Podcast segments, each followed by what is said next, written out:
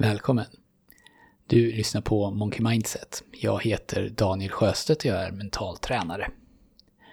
Inom idrotten så har jag märkt att det är relativt vanligt att en journalist inför någon viktig tävling frågar idrottaren om pressen, hur han eller hon ska hantera pressen. Och svaret som nästan alltid kommer det är ju att störst press, det sätter jag ändå på mig själv.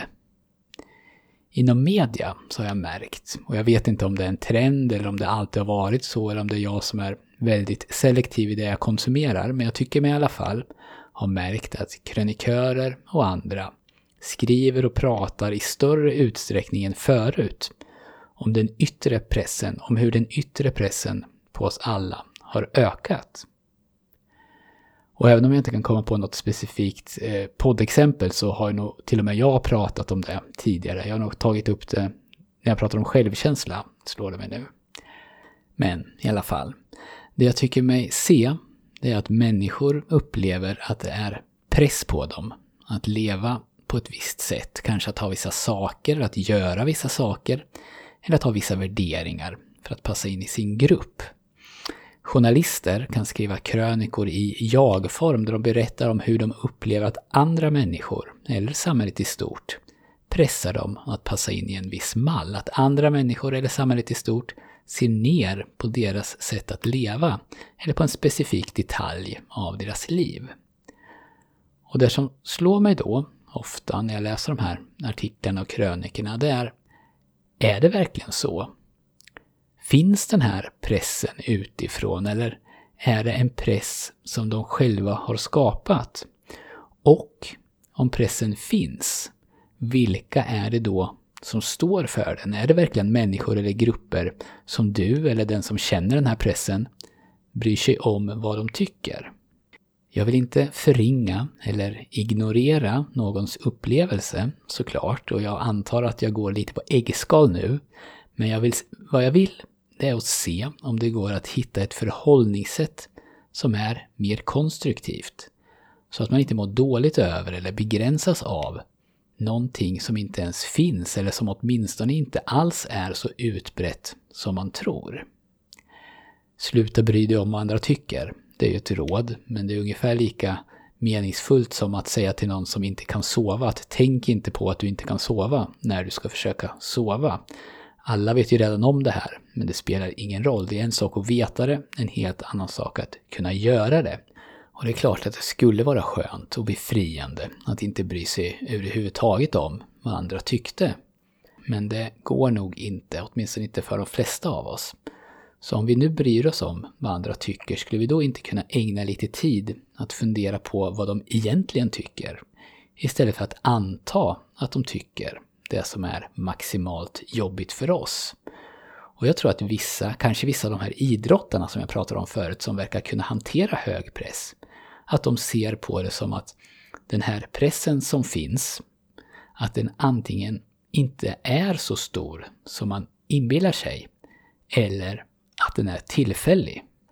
Någon som slår en straff för sitt landslag, den personen känner förstås den enorma pressen där och då. Men inte ens en sån väldigt exponerad situation har ju någon större påverkan på oss andra. Och nu pratar jag förstås om lång sikt. Och skälet till det, det är nog, tror jag, att vi alla har nog med oss själva. Vi har, vi har inte så mycket mentalt utrymme kvar att döma andra. Om någon, min kompis eller min granne eller min kollega eller en journalist på DN, lever sitt liv på ett visst sätt så är ju det lugnt med mig så länge inte någon annan far illa och om det dessutom gör henne eller honom lycklig så är det ju ännu mera lugnt. Så vad jag vill komma till här det är ju att eh, den här pressen som du känner, kan det vara så att den kommer från dig själv men att du väljer att se att den kommer från andra, i alla fall en del av pressen. Och om du för en sekund väljer, du behöver inte tro på det, men du väljer att tänka att all press du känner är press du lägger på dig själv. Vad skulle hända då? Vilka frågor kommer upp i dig? Vad händer om du accepterar att den här pressen finns och att det är någonting som du behöver leva med? Du behöver inte försöka att stöta bort pressen, du behöver inte försöka att förneka den eller tycka att det är dumt av dig att känna så här, utan du accepterar bara att det är så här. Låt mig ge dig en övning som kanske kan hjälpa dig att eh, komma vidare med det här om det är någonting som du vill komma vidare med. Den här övningen består av fyra korta steg och den tar ett litet tag att göra. Men i steg ett så skriver du ner allting som du upplever läggs på dig utifrån, alltså det du känner press att göra, att vara, att tycka och så vidare. Och om du vill så kan du börja varje mening med orden ”Jag förväntas”. Jag förväntas att ställa upp och skjutsa till barnens idrott varje helg. Jag förväntas att jobba över. Jag förväntas att organisera släktens julmiddag så att allt är perfekt. Eller jag förväntas att hålla mig i fysisk toppform. Jag förväntas att skaffa familj innan jag fyller 30. Jag förväntas att gå ut, gå ut högskolan med toppbetyg. Jag förväntas tycka det är roligt med parmiddagar. För att dra ett par exempel. Och så vidare. Sen när du är klar med det så gör du om varje mening till Jag förväntar av mig själv att. Jag förväntar av mig själv att jag ska vara en sån som skjutsar till barnens idrott varje vecka. Jag förväntar av mig själv att det är jag som ska ordna släktens julmiddag och se till att det blir perfekt. Bry dig inte om huruvida det är sant eller inte eller om du tror på det eller inte. Utan ändra bara perspektiv för en liten stund. Och nu kommer den här tredje delen och då ska du ta ett steg till. Nu ska du acceptera att du förväntar dig det här av dig själv. Och då skriver du på följande sätt. Jag accepterar att jag förväntar av mig själv att jag ska arrangera julmiddagen. Jag accepterar att jag förväntar av mig själv att jag ska skaffa familj innan jag fyller 30. Och så vidare. Och antingen så kan du nu bara lämna där, du gör ingenting mer utan låter det bara vara. Kanske så gör du om den här proceduren varje dag i en vecka och ser vad som händer. Kanske händer inget, men kanske händer något. Och det som kan hända, det är att laddningen i de här meningarna försvinner. Det kanske fortfarande, de kanske fortfarande är sanna om de var det från början, men din attityd till dem blir mindre dramatisk den här konflikten som du kanske upplevde, alltså det är så här och det tycker jag inte om. Det finns ju en konflikt där. Den går över till att bli det är så här och jag accepterar det. Eller det är så här och jag lägger ingen värdering i det. Det är varken bra eller dåligt, det bara är. Och du kan också lägga till ett fjärde steg och där listar du tre positiva egenskaper som du har. Och sen lägger du till dem i början på de meningar som du nyss har skrivit. Om du och du säger gärna de här meningarna högt och om du vill så kan du förstås göra hela övningen högt. Eh, du skulle kunna gå till ungefär så här då. Jag är en lojal, kärleksfull och omtänksam person och jag accepterar att jag förväntar av mig själv att och så vidare. Med känsla.